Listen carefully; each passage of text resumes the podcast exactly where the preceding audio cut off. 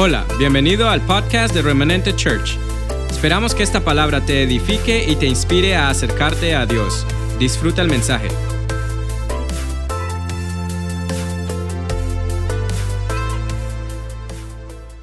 Pido al Espíritu Santo que calle mi boca, no sea yo hablando, sino Él a través de mi vida. Esta predicación se llama Las dos caras. ¿Cómo se llama? ¿Cuántas caras? Dos caras, dos rostros, dos historias, el antes y el después de lo que ha sucedido, las dos caras. Vamos a mirarlo a la luz de la escritura. Primera de Corintios 15:45 dice la Biblia en la traducción Palabra de Dios para todos, así dice la escritura. El primer Adán se convirtió en un ser vivo. El último Adán, es decir, Cristo, se convirtió en espíritu que da vida. ¿En qué se convirtió Adán? En un ser vivo. De tal manera que usted lo mira y dice, ¿será que está respirando? Porque se convirtió en un ser vivo, en un ser que demanda que demanda vida. Pero el segundo Adán, que habla de Cristo, se convirtió en un espíritu no que demanda vida, sino que da vida. Amén. Ahora, la Reina Valera lo dice así. Así también, primera de Corintios 15, 45, así también está Cristo, está escrito, perdón. Fue hecho el primer Adán, un alma viviente, y el postrer Adán, un espíritu vivificante. Y luego dice, versículo 46, malo espiritual no es lo primero, sino lo animal. Mira al que está a tu lado y dile, no, mejor no. dice más, el espiritual es lo primero, no es lo primero, sino que lo animal, luego lo espiritual. Así que el primer ser humano en la tierra era, era instintivo. Se conoce en la ciencia como reptil, reptiliano le dicen. El primer ser humano en la tierra pensaba en sobrevivir. Lo primero que hace un niño cuando nace es sobrevivir. Y hay, hay personas que lo que hacen en la tierra es sobrevivir. Y ojo lo que les voy a decir que es importante. Perseguir un propósito en la existencia es algo bueno. Pero no pero no es el fin. Hacer algo en la existencia nuestra es bueno, pero no es el fin. El fin es la vida. Y algunas personas perdieron la vida hace rato porque se encerraron o se obsesionaron con un propósito. Y si bien el propósito, doy el ejemplo, sea que usted quiera estudiar psicología, sea que usted quiera hacer lo que quiera hacer, jamás podrá superar la vida que Dios te ha entregado. Porque de qué le sirve a una persona dar toda su vida por, por algo y perder su vida?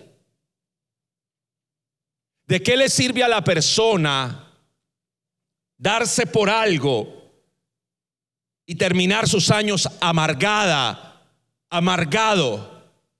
Oh, no, diga conmigo, tú y yo, yo y tú, terminaremos nuestros años como en la Biblia se terminan, llenos de días bendecidos, agradecidos. Así quiero terminar mis días. Así que el primer, la primera cara, el primer rostro, es un rostro desgastado por la vida.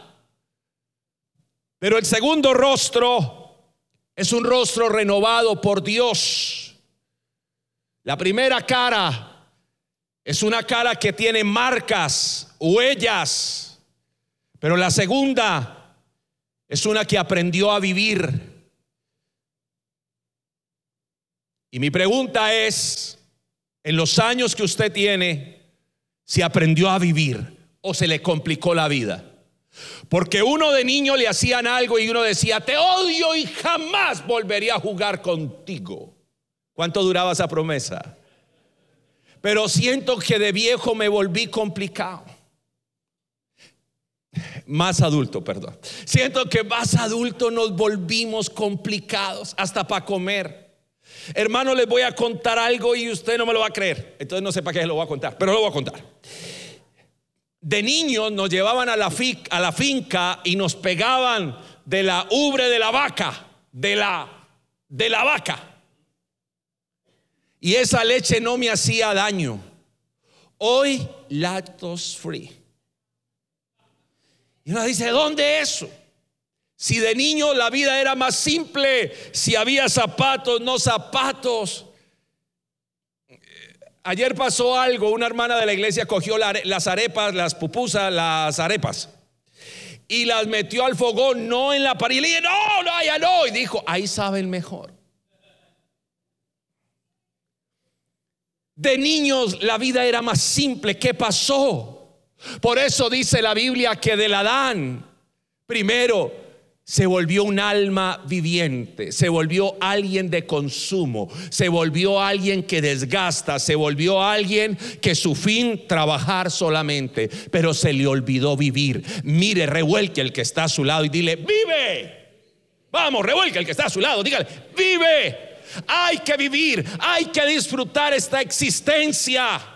No te compliques la vida, la vida es bella y simple. Así que la Biblia dice que el hombre, el primer hombre es terrenal, versículo 47, dice el segundo es del cielo, es el Señor.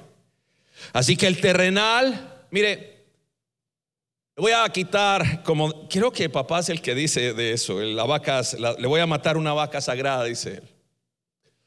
Usted no atrae lo que quiere. Ojo, usted no atrae lo que quiere, usted atrae lo que es. Otra vez, usted no atrae lo que, ay Señor, yo quiero una casa grande. Usted puede querer muchas cosas, pero usted va a atraer y va a recibir lo que es. La Biblia dice en el versículo 48, cual el terrenal, tales también los que, los terrenales. Y cuál celestial, tales también los celestiales, así como hemos traído la imagen de lo terrenal, traeremos también la imagen de lo celestial. Así que José, en la Biblia, se encuentra con estas dos caras de la vida.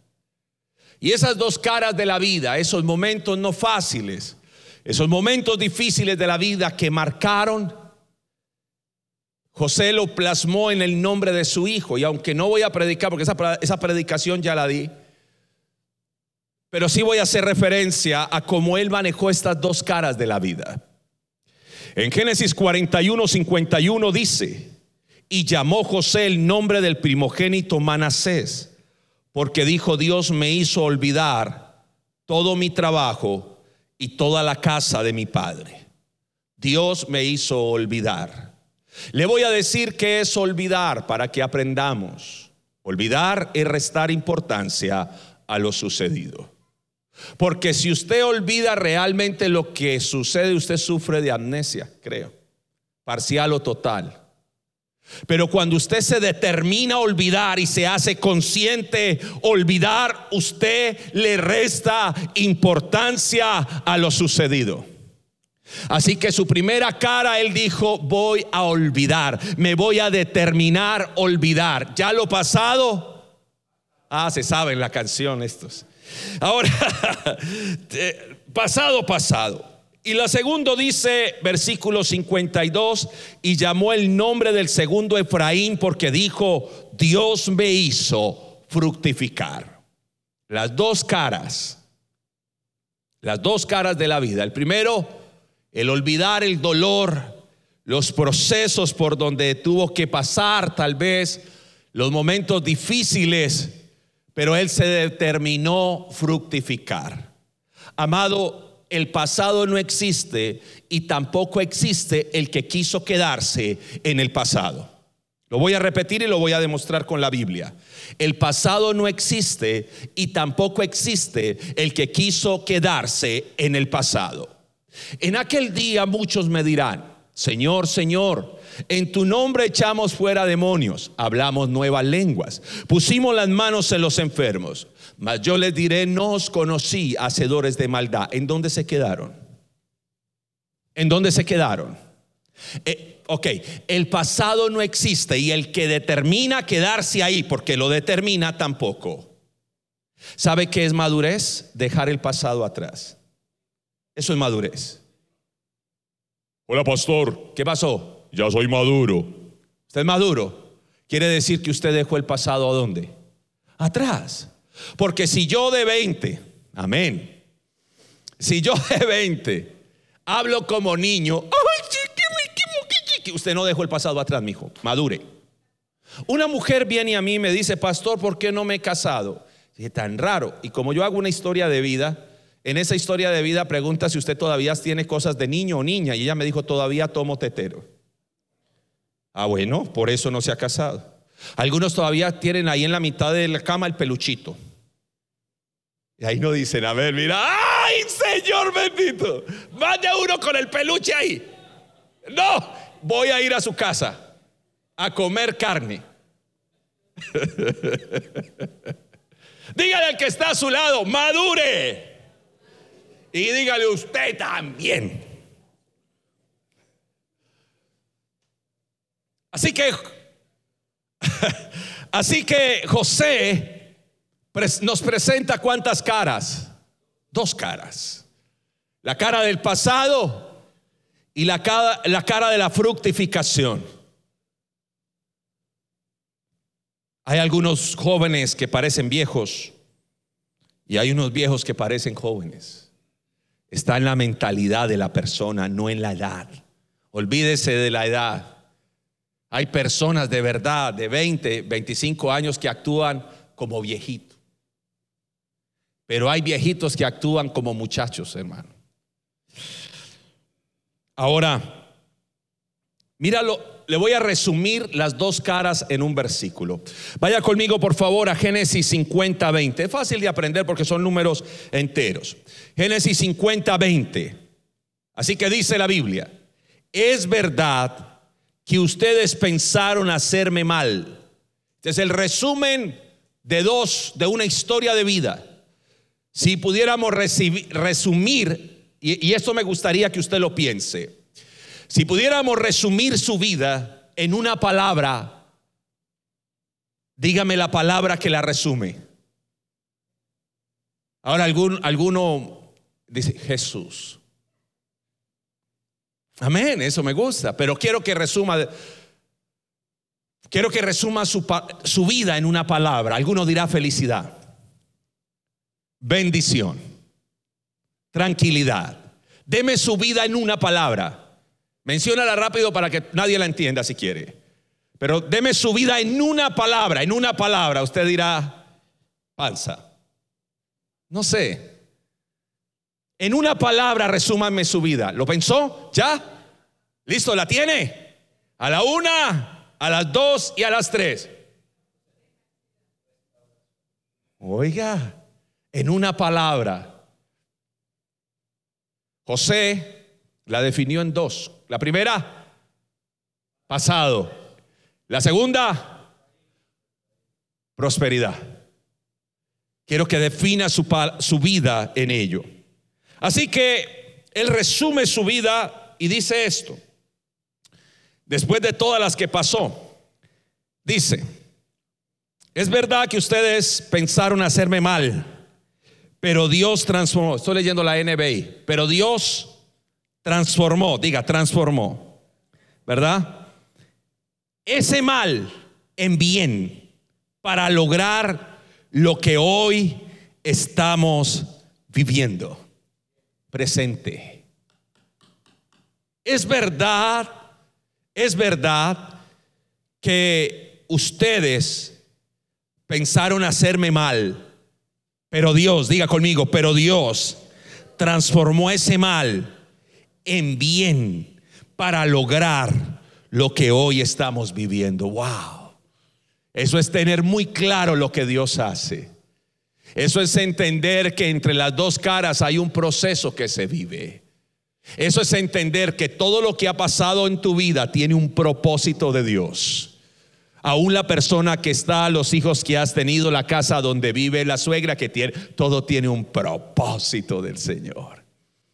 Y todos los que te intentaron hacer mal, ¿sabes qué hicieron? Te hicieron más fuerte.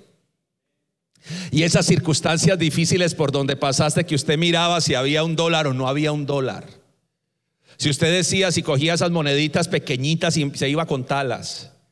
Pero todas esas cosas te enseñaron a vivir. O no te formaron. Mire el que está a su lado y dígale, muéstreme sus manos si no lo han formado si no se ha formado, si no ha habido un proceso de disciplina, que muchas veces te negaste a muchas cosas para ver lo que has logrado hoy. Pero escúcheme, la faena es completa. Dígale al que está a su lado, la faena es completa. No puedo quitarle esos momentos duros.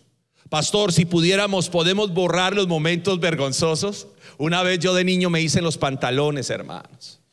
Y, y el uniforme madre era blanquito era blanquito, hermano. Y yo era, ay, como huelen de feo. Y mentiras que yo tenía.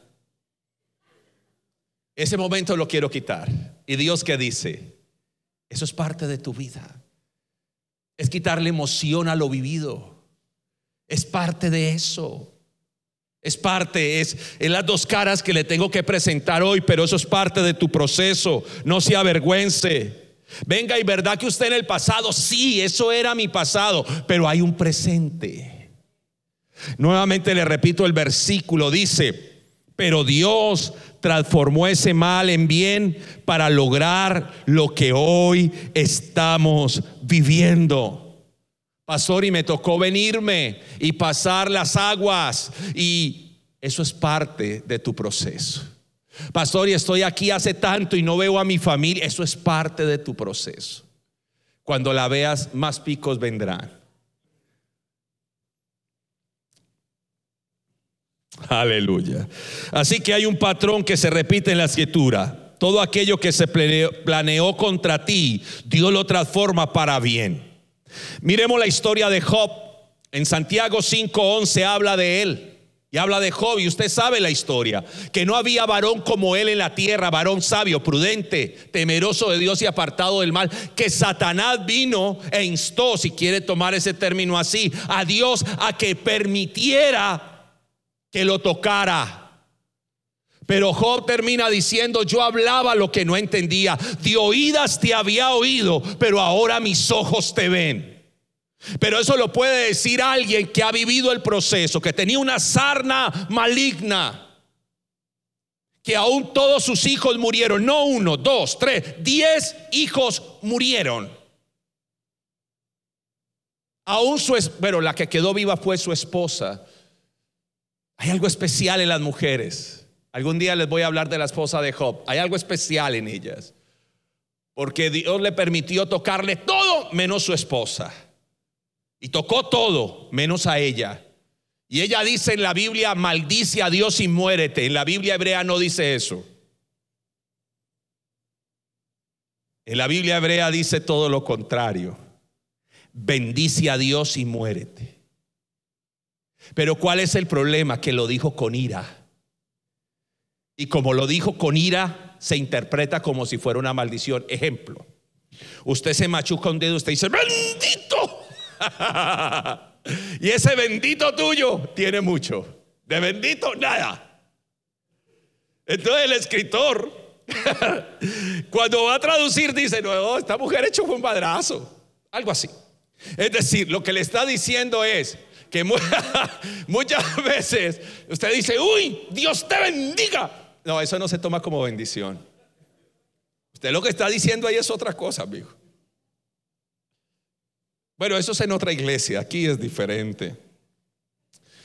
Pero amados, es parte del proceso. Pero uno lee la historia y uno dice, ah, ahora sí entendí.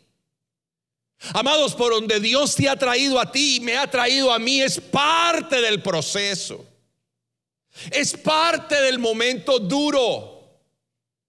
Mi hijo cumplió años, el primero el 29, el otro el 6 de agosto. Habíamos comprado tiquetes para Cartagena, Colombia, carajo. Y nos tocó venirnos. ¿Y ahora qué hacíamos con cuatro tiquetes? Y me dice mi esposa, llama a la mamá de los hijos. ¿Y a quién más?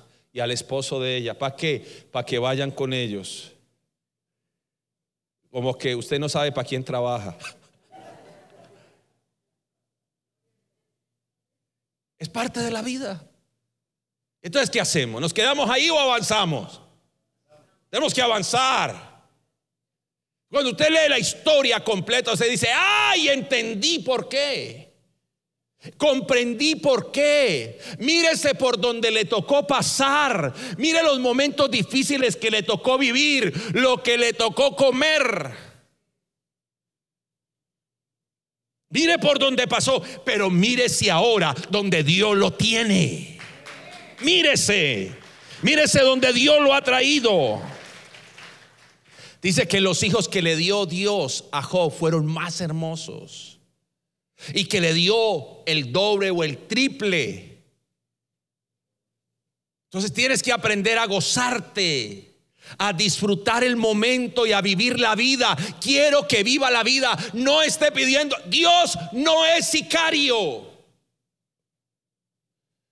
Padre, llévame contigo, quítame la... ¿Qué le pasa? Cuando me muera me van a extrañar. ¿Qué le sucede? Deje de estar llamando la muerte, que la asusta. Deje de estar llamando la muerte. Está joven. Pastor, pero es que tengo 60. Mire a los hombres de la Biblia. Llame vida, diga más vida. Muévase ahí como muñequito de taxi. miremos a Moisés, miremos a Moisés, Hechos 7, 22.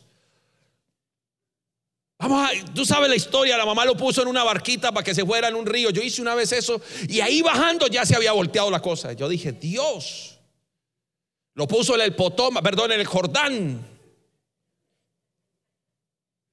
Y ahí a mirarlo, ¿qué pasaba con ese niño? Lo bautizó de una vez, pero, no en, pero en aguas de una vez ahí quedó. La Biblia dice que en el versículo 22 que este hombre llegó a ser poderoso. ¿Cómo llegó a ser? Poderoso. Era un man cuarentón. Versículo 23. Dice, y el man tenía 40 años. Y dice que decidió visitar a sus hermanos. Y versículo 24 dice que cuando él llegó, él vio que un egipcio estaba golpeando a, un, a un judío, a un judío. Estaba golpeando. Así que él cogió al, egipcio y le metió la muñeca, el, bueno, el brazo. Lo golpeó, no sé con qué, pero lo mató. Ahora dice el versículo siguiente, Moisés pensaba, versículo 25, que sus hermanos israelitas entenderían que Dios los iba a liberar por medio de él pero ellos no lo entendieron y él tampoco. A partir de allí, él vuelve y sale y él ve que dos hermanos están, están peleando. Y él dice, no peleen. Y entonces uno de ellos le dice, ¿qué? ¿Me va a matar como mató al egipcio? Y él salió huyendo. Y después de ser un hombre fuerte, poderoso, se volvió un hombre que huía, que las culpas lo despertaban, que se afligía y después de soñar ser lo que iba a ser, el libertador, termina cuidando ovejas, cuidando ovejas. No debemos de jactarnos de lo que hacemos, ni predicarnos a nosotros mismos. Pero cuando abrimos la iglesia en Pereira, cuando pasamos de Manizales a Pereira, cuando llegamos allí colocamos una fábrica de tortas. Como decimos los colombianos, la vuelta era así. A las cinco y media de la mañana había que abrir la fábrica, empezar las batidas de las tortas para hacer 300 tortas diarias. 8 de la mañana salir al programa radial, volver a las 9 a tomar el turno hasta las 12 del día, almorzar en el negocio que Jessica viniera y a las 2 de la tarde irme a evangelizar por un año así. Pero lo que no comprendía era que Dios me estaba preparando para cosas más grandes. Pero hasta ahí hablo de mí, hablo de usted, por dónde Dios lo ha pasado, por dónde Dios lo ha pasado. Y usted dice, ¿por qué estoy aquí? Ahí está Dios cumpliendo un propósito. Pero es que yo quería estar allá. No, señores, así no es. Mira el que está a su lado y dígale, no, no, no, no, no. Así no es. Ajá. Hay que empezar de acá. Hay que vivir el proceso. Hay que vivirlo. Entonces uno se viene de Colombia, los títulos, ¿cierto? Psicólogo, certificado. No, no sirve de nada aquí. Hay que volver a comenzar. ¿Cuántos están dispuestos para esos procesos de Dios? Mira, tres. Ay, Señor bendito. A ver otra vez. ¿Cuántos están dispuestos para los procesos de Dios? Tavo, abogado. Y hay que comenzar de cero. Dios te pone en una autopista, en, no en la 66, que es horrible. Te pone, ya, ya lo aprendí, ya lo aprendí. Ya lo, te pone en un, en un panorama. Y a ver a crecer, hijitos. Así que 40 años. ¿Y por qué 40 años? Me imagino a los, a los, a los 60. Jesús le dice, Padre, entonces, dice, no, a eso le falta un poco más cocinarse. No, mucha carne hay todavía.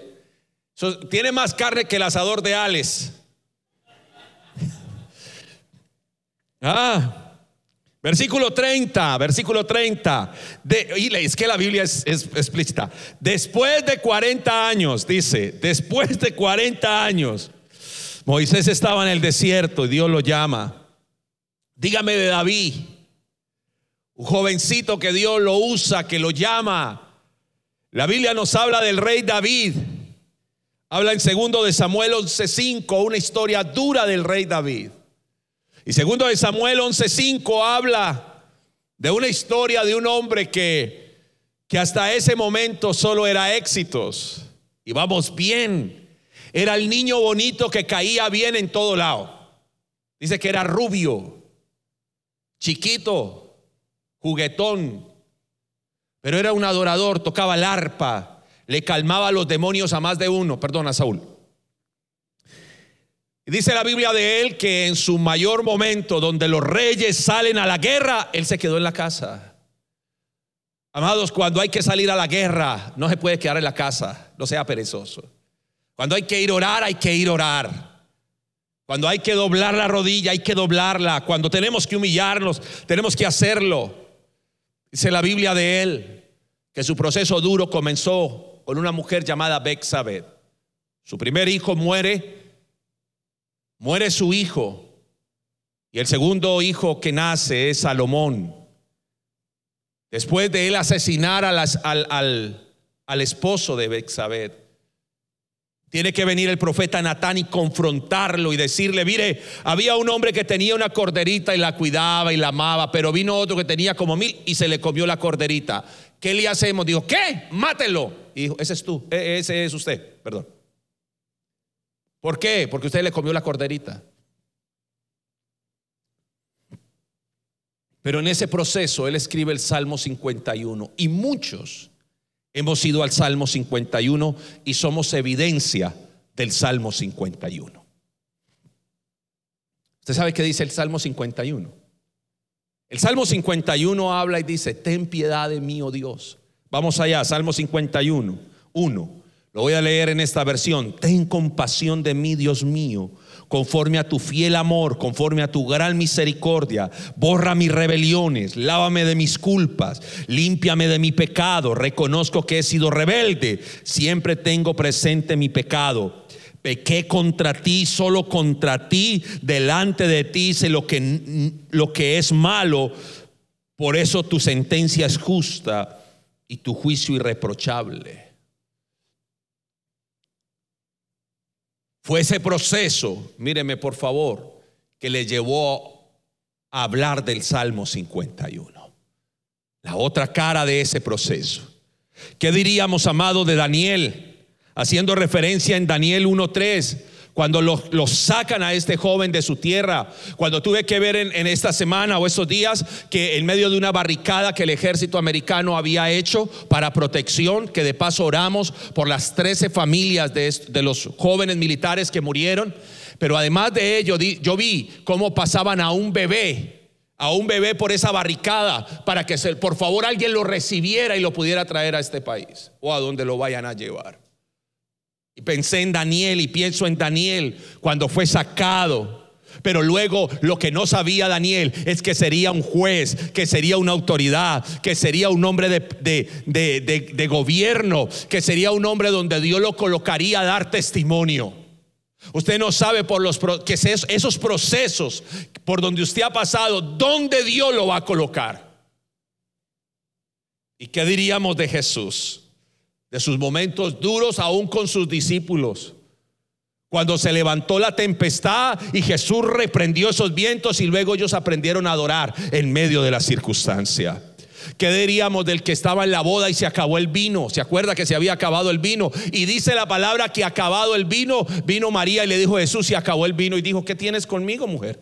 O sea, no es mi tiempo, ni siquiera de casarme ni manifestarme. Sin embargo, él, petición de mami, ahí toca. Y convirtió el agua en mil, mil quinientas y pedazos de botellas de vino para hacer de ese momento crítico el mejor final. Y el mismo hombre le dio un principio el, mismo maestresala le habló al novio y le dijo, los hombres usualmente dan el mejor vino al inicio y, el, el cherrinol, decimos en Colombia, un vino barato al final, pero tú has guardado el mejor vino para lo último.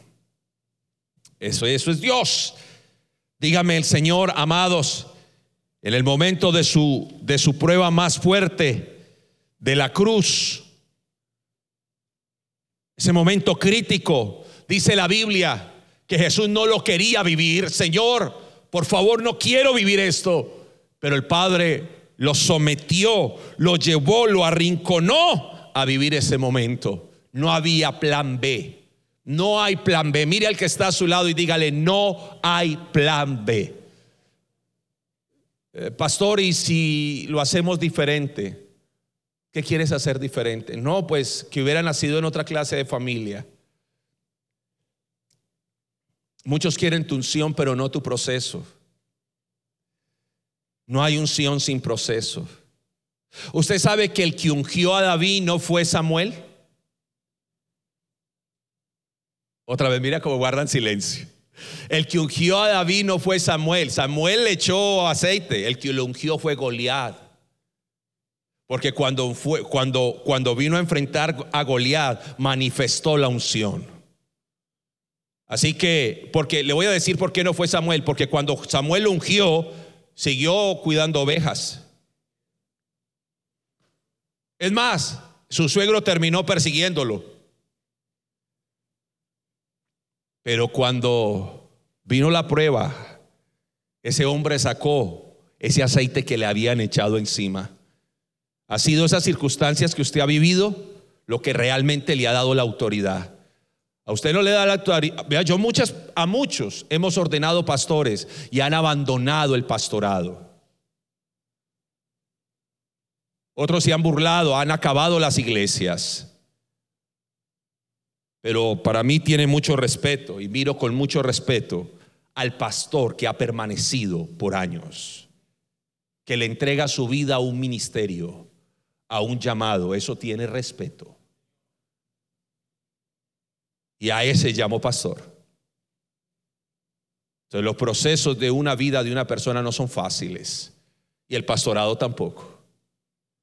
¿Qué hace que tenga respeto por nuestro pastor Juan Carlos, los años que lo conozco y los procesos por donde Dios lo ha sometido? ¿Qué hace que a mi apóstol yo lo llame apóstol y lo respete? Los procesos de ese hombre.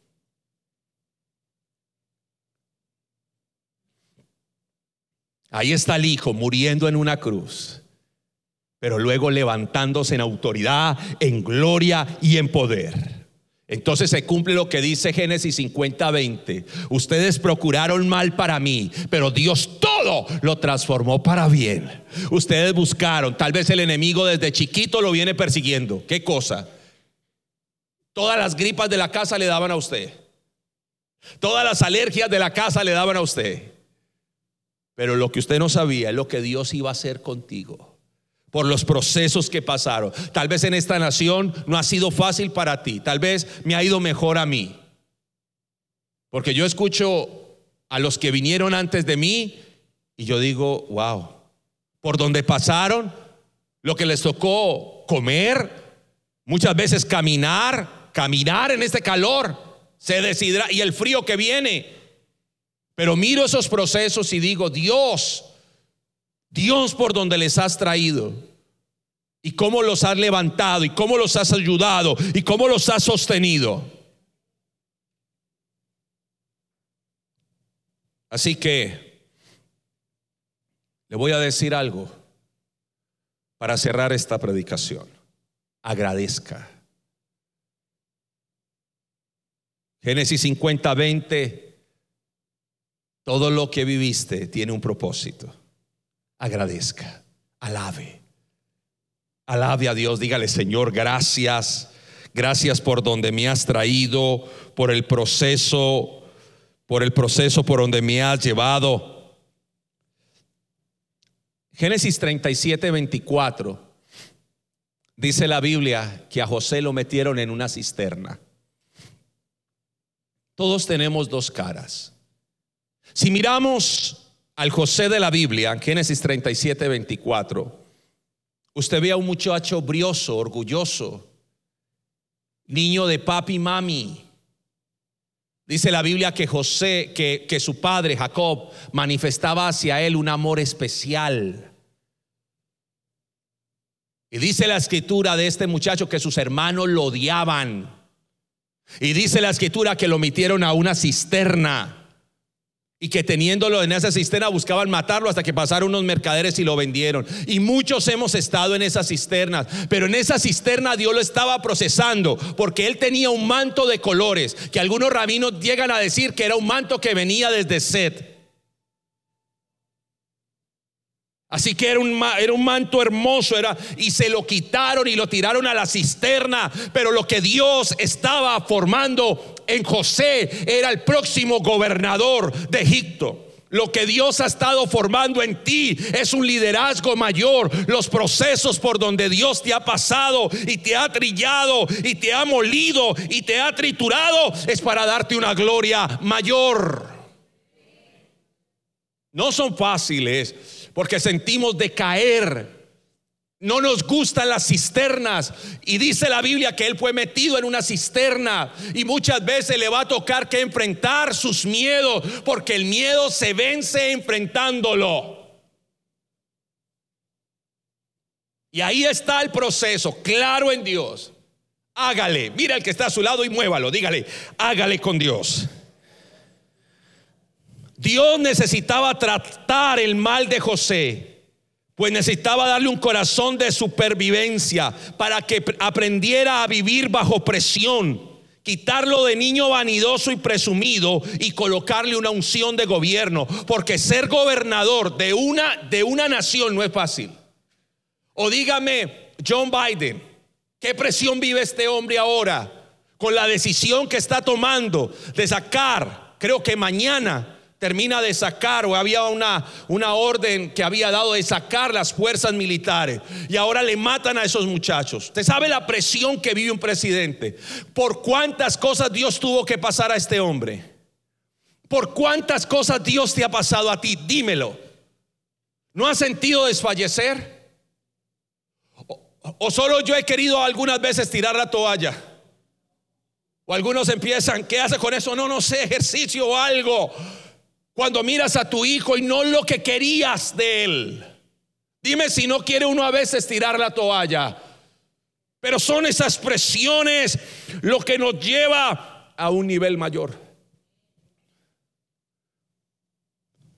En la cisterna Dios lo procesó. Dios transformó a un joven arrogante en un humilde, se llama quebrantamiento y proceso. Mire al que está a su lado con una sonrisa, regálele una sonrisa y dígale, ¿cómo va tu proceso? Eh. Ahí va, bien para no preocuparlo. ¿Qué le importa?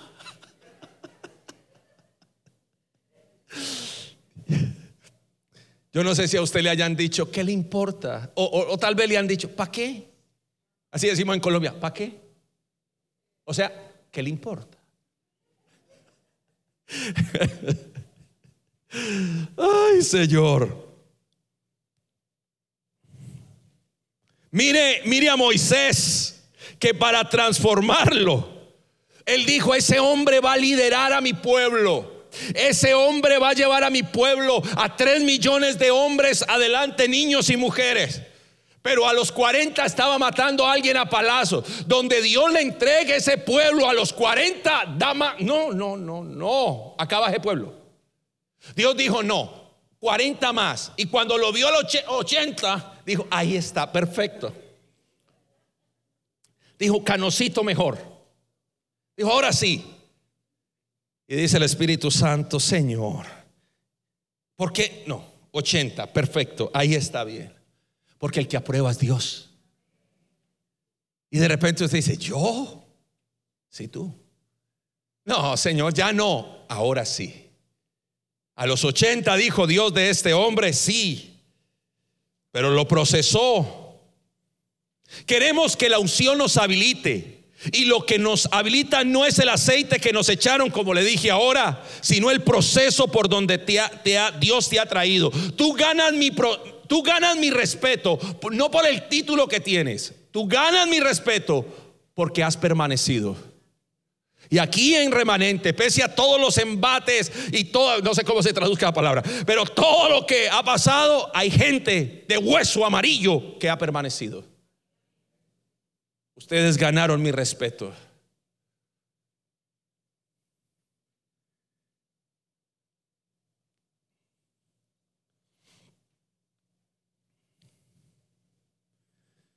La, la, unción termina llevándote a lo que Dios realmente quiere contigo, pero no sin antes procesarte. Ahora déjame enseñarle algo. Usted ha conocido, voy a decir nombres, eh, Jehová Adonai, ¿qué quiere decir? Otro, Jehová Sidkenu. Pero usted no necesita aprenderse esos nombres, le voy a decir uno que sí. Hay uno que se llama Jehová o el Señor que entreteje. No sé cuántas mujeres aquí les gusta tejer, pero hay, creo que tu mamá, mamá, teje. Dios es, Él teje, Él entreteje. Punta Cadeneta Cruz creo que se llama. Y Él hace sus mejores faenas así. Él toma los momentos duros tuyos, los hilos duros tuyos, y trae hilos dóciles y hace la mejor cobija hace la mejor vestimenta. Dice la Biblia en el Salmo 139, 15, no fue cubierto de ti mi cuerpo, bien que en lo oculto fui formado, entretejido en lo más profundo de la tierra, dice el Salmo 139, 15. No fue encubierto de ti mi cuerpo, bien que en lo oculto fui formado, entretejido en lo más profundo de la tierra. Y le voy a decir una palabra que nos servirá para cerrar esta mañana, entrar al cierre. Todo lo que Satanás tejió para mal en tu vida, Dios lo entretejió para bien. Dice la Biblia que fuiste entretejido. Mírelo, dice ella. Mírelo. ¿Eso qué quiere decir? Que Dios estaba haciendo son lazos de tu vida.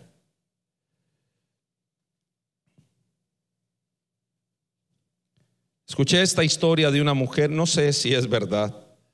No la escuché, perdón, de una mujer. Se la ha escuchado a varios predicadores. Hasta Dante Gebel la dijo un día. Una mujer vivía junto a una bruja. Y esta mujer todos los días oraba a Dios que le Dios le proveyera. Y nada. Dios provéeme y nada. Y la bruja se reía de ella. Y un día dijo, le voy a hacer una maldad. Le voy a llevar un mercado. Le llevo cantidad de cosas en nombre de Satanás. Y ella le dijo, la bruja esa, le dijo, mire, Satanás le manda a este mercado. Y esta mujer con rostro alegre le dijo, cuando uno ora a Dios, hasta el diablo lo obedece. Muchas gracias. Y se comió todo lo que le llevó. Escuche esto. Cuando usted ora, hasta el diablo le obedece. Satanás pensó que estaba ganando en la cruz. Qué tonto. El que estaba ganando era Dios. Satanás pensó que te estaba ganando. Dígale al que está a su lado, no. Porque la victoria es del Señor. Aleluya. Tienes que aprender, amados, que eso es parte de la vida. Escribí algo, quiero leérselo como lo escribí. Esta mañana me sirvió mucho para escribir. Déjame darte un ejemplo con la endemoniada 66, perdón, con la 66 esa. No sé lo que está pasando allí, pero en los últimos cuatro años me han desbaratado la vía. Y esa es la vía que más me gustaba tomar. Lo único que veo son letreros que dicen hombres trabajando en la vía. Aunque no entienda lo que hacen, ellos sí lo entienden. Aunque no entienda lo que Dios está haciendo, Él tiene los planos de mi vida. Y ahora un trayecto que en la mañana, en serio, lo estoy, esto lo escribí de corazón, que en la mañana me tomaría normalmente 40 minutos para ir a Ashburn. Ashburn. Ashburn. Ahora me toma hora y media y hasta un poco más. Es ahí donde siento que la oración de las 7 de la mañana no me sirvió, porque la paciencia se me va. Pero lo que uno no sabe es que Dios lo está procesando. Diga, procesando. Vamos, dígale. Ahora quiero decirles algo. La molestia que hoy sufres es parte del proyecto de tu vida. Eso va a terminar. Esto me lo dijo ayer el pastor Juan Carlos. Es necesario lo que estás viviendo. Mira el que está a tu lado y dile, es necesario lo que estás viviendo. No, eso no sirve. Es necesario lo que estás viendo. es necesario lo que no sé cómo se diga eso en inglés, pero ok, es necesario lo que estás viviendo. Porque eso te está madurando, te está procesando. Dice, más ya. A más ya. Todavía no, un poquito más. Porque Dios procesa, es necesario lo que estás viviendo. Ahora no lo entiendes muy bien. Cuando las personas no toman decisiones con certeza es porque no han vivido proceso. Porque cuando usted ha vivido un proceso, usted tiene convicción de lo que va a hacer. Y eso es palabra Juanina Uribina. Así que como la 66 que me ha sacado canas, planearnos, a mí me dijeron que si me iba por el lado izquierdo, era más rápido. En la 66, mamolas, no funciona así. Yo me fui y ahí donde estaba el estrellón. Yo, no, puede ser. Llegué media hora tarde al trabajo. Así que, no al trabajo mío. Ah, nuestra vida es como la 66. Planeamos irnos por una vía rápida, pero nos encontramos con una vía llena de obstáculos y dificultades. Pero no te angusties, eso va a terminar. Solo que no has visto los planos. Los planos los tiene el constructor. No te enojes. Recuerda lo que dice el Génesis 50:20. Ustedes pensaron hacerme mal, pero Dios, diga, Dios transformó ese mal para bien. Aleluya. Así que le voy a decir cuatro cosas para terminar. Rápido. Número uno, hay una orden de salida de esa circunstancia que tú estás viviendo. Mira al que está a tu lado y dile, vas a salir. Y esta es la palabra que Dios me dio antes de este año, esa palabra se va a cumplir. Y espero que en todos vas a salir. Vas a salir. Número dos. Número dos, Dios entreteje tu dolor con su propósito. Otra vez, Dios entreteje su dolor, tu dolor con su propósito. Lo demuestro, la Biblia dice, por lo que sufrió en la cruz, por el gozo puesto delante de él, perdón, sufrió la cruz. Dios entreteje tu, tu dolor, lo que has vivido, con su propósito.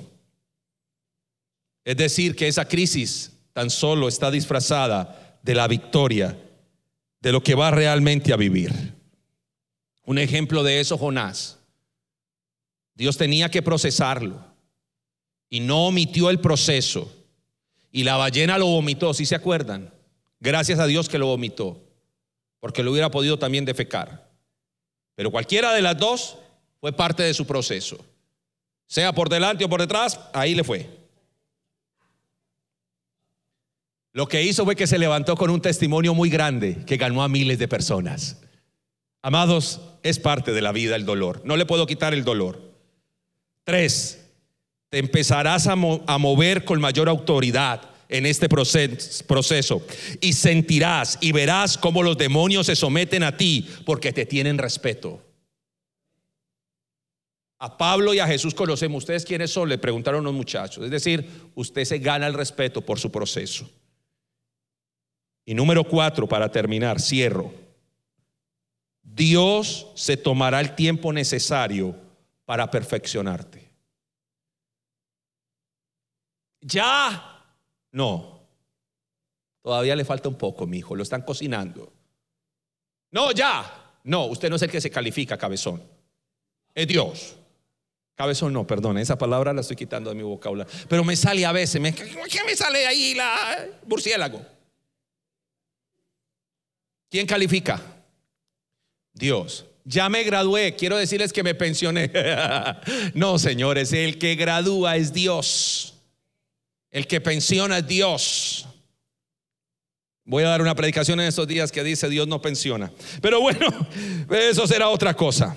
Así que Dios se tomará el tiempo necesario para perfeccionarte, someterte a cambios y a procesos.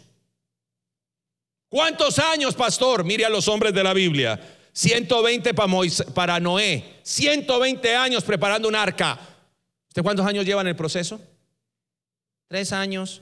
Bienvenido al taller de maestros, señores. Así que no cuente sus días. Haga que sus días cuenten. No se mantenga contando sus días. Ay, ya voy a, ay, ya voy a cumplir 30. Ay, ya voy a cumplir 30. No, no, no, olvídese eso. Más bien haga que sus días valgan. Haga que sus días cuenten.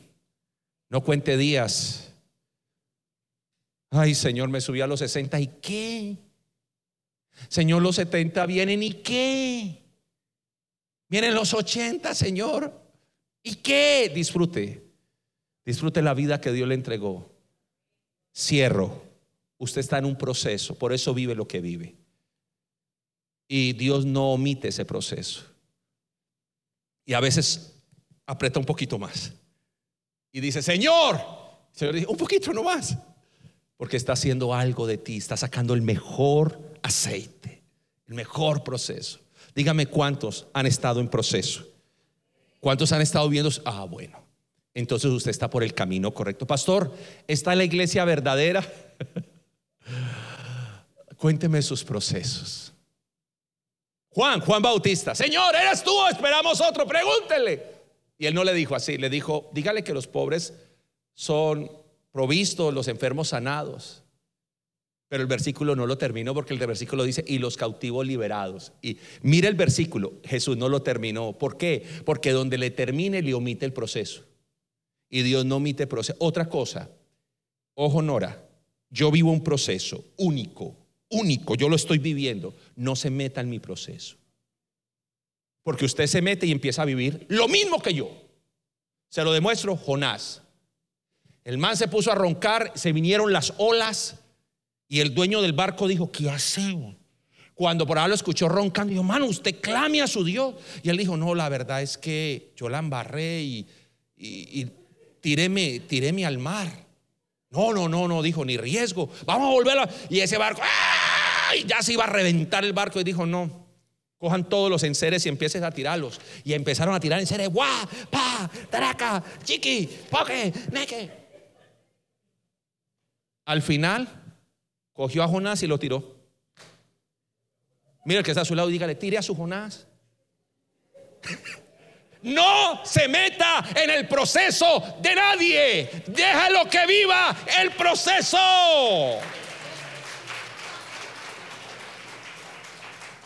Porque te metes y la llevas.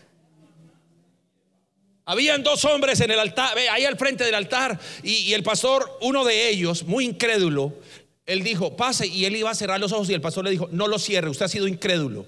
Él no lo conocía. Dios lo va a tocar con los ojos abiertos. Y con ojos abiertos, allá cayó. Y yo lo veía que hacía. Yo me asusté y lo fui a tocar y me dijo el pastor, si lo toca le pasa lo mismo. Yo dije, yo me voy. Diga conmigo, Dios no omite procesos. Pastor, pero te está preparando para rey. Pastor, pero vas a ser el gobernador. Pastor, pero vas a ser el gerente de esa compañía. Esperamos que este mensaje haya sido de bendición. No te olvides de suscribirte a nuestro podcast y seguirnos en Facebook e Instagram arroba remanente church.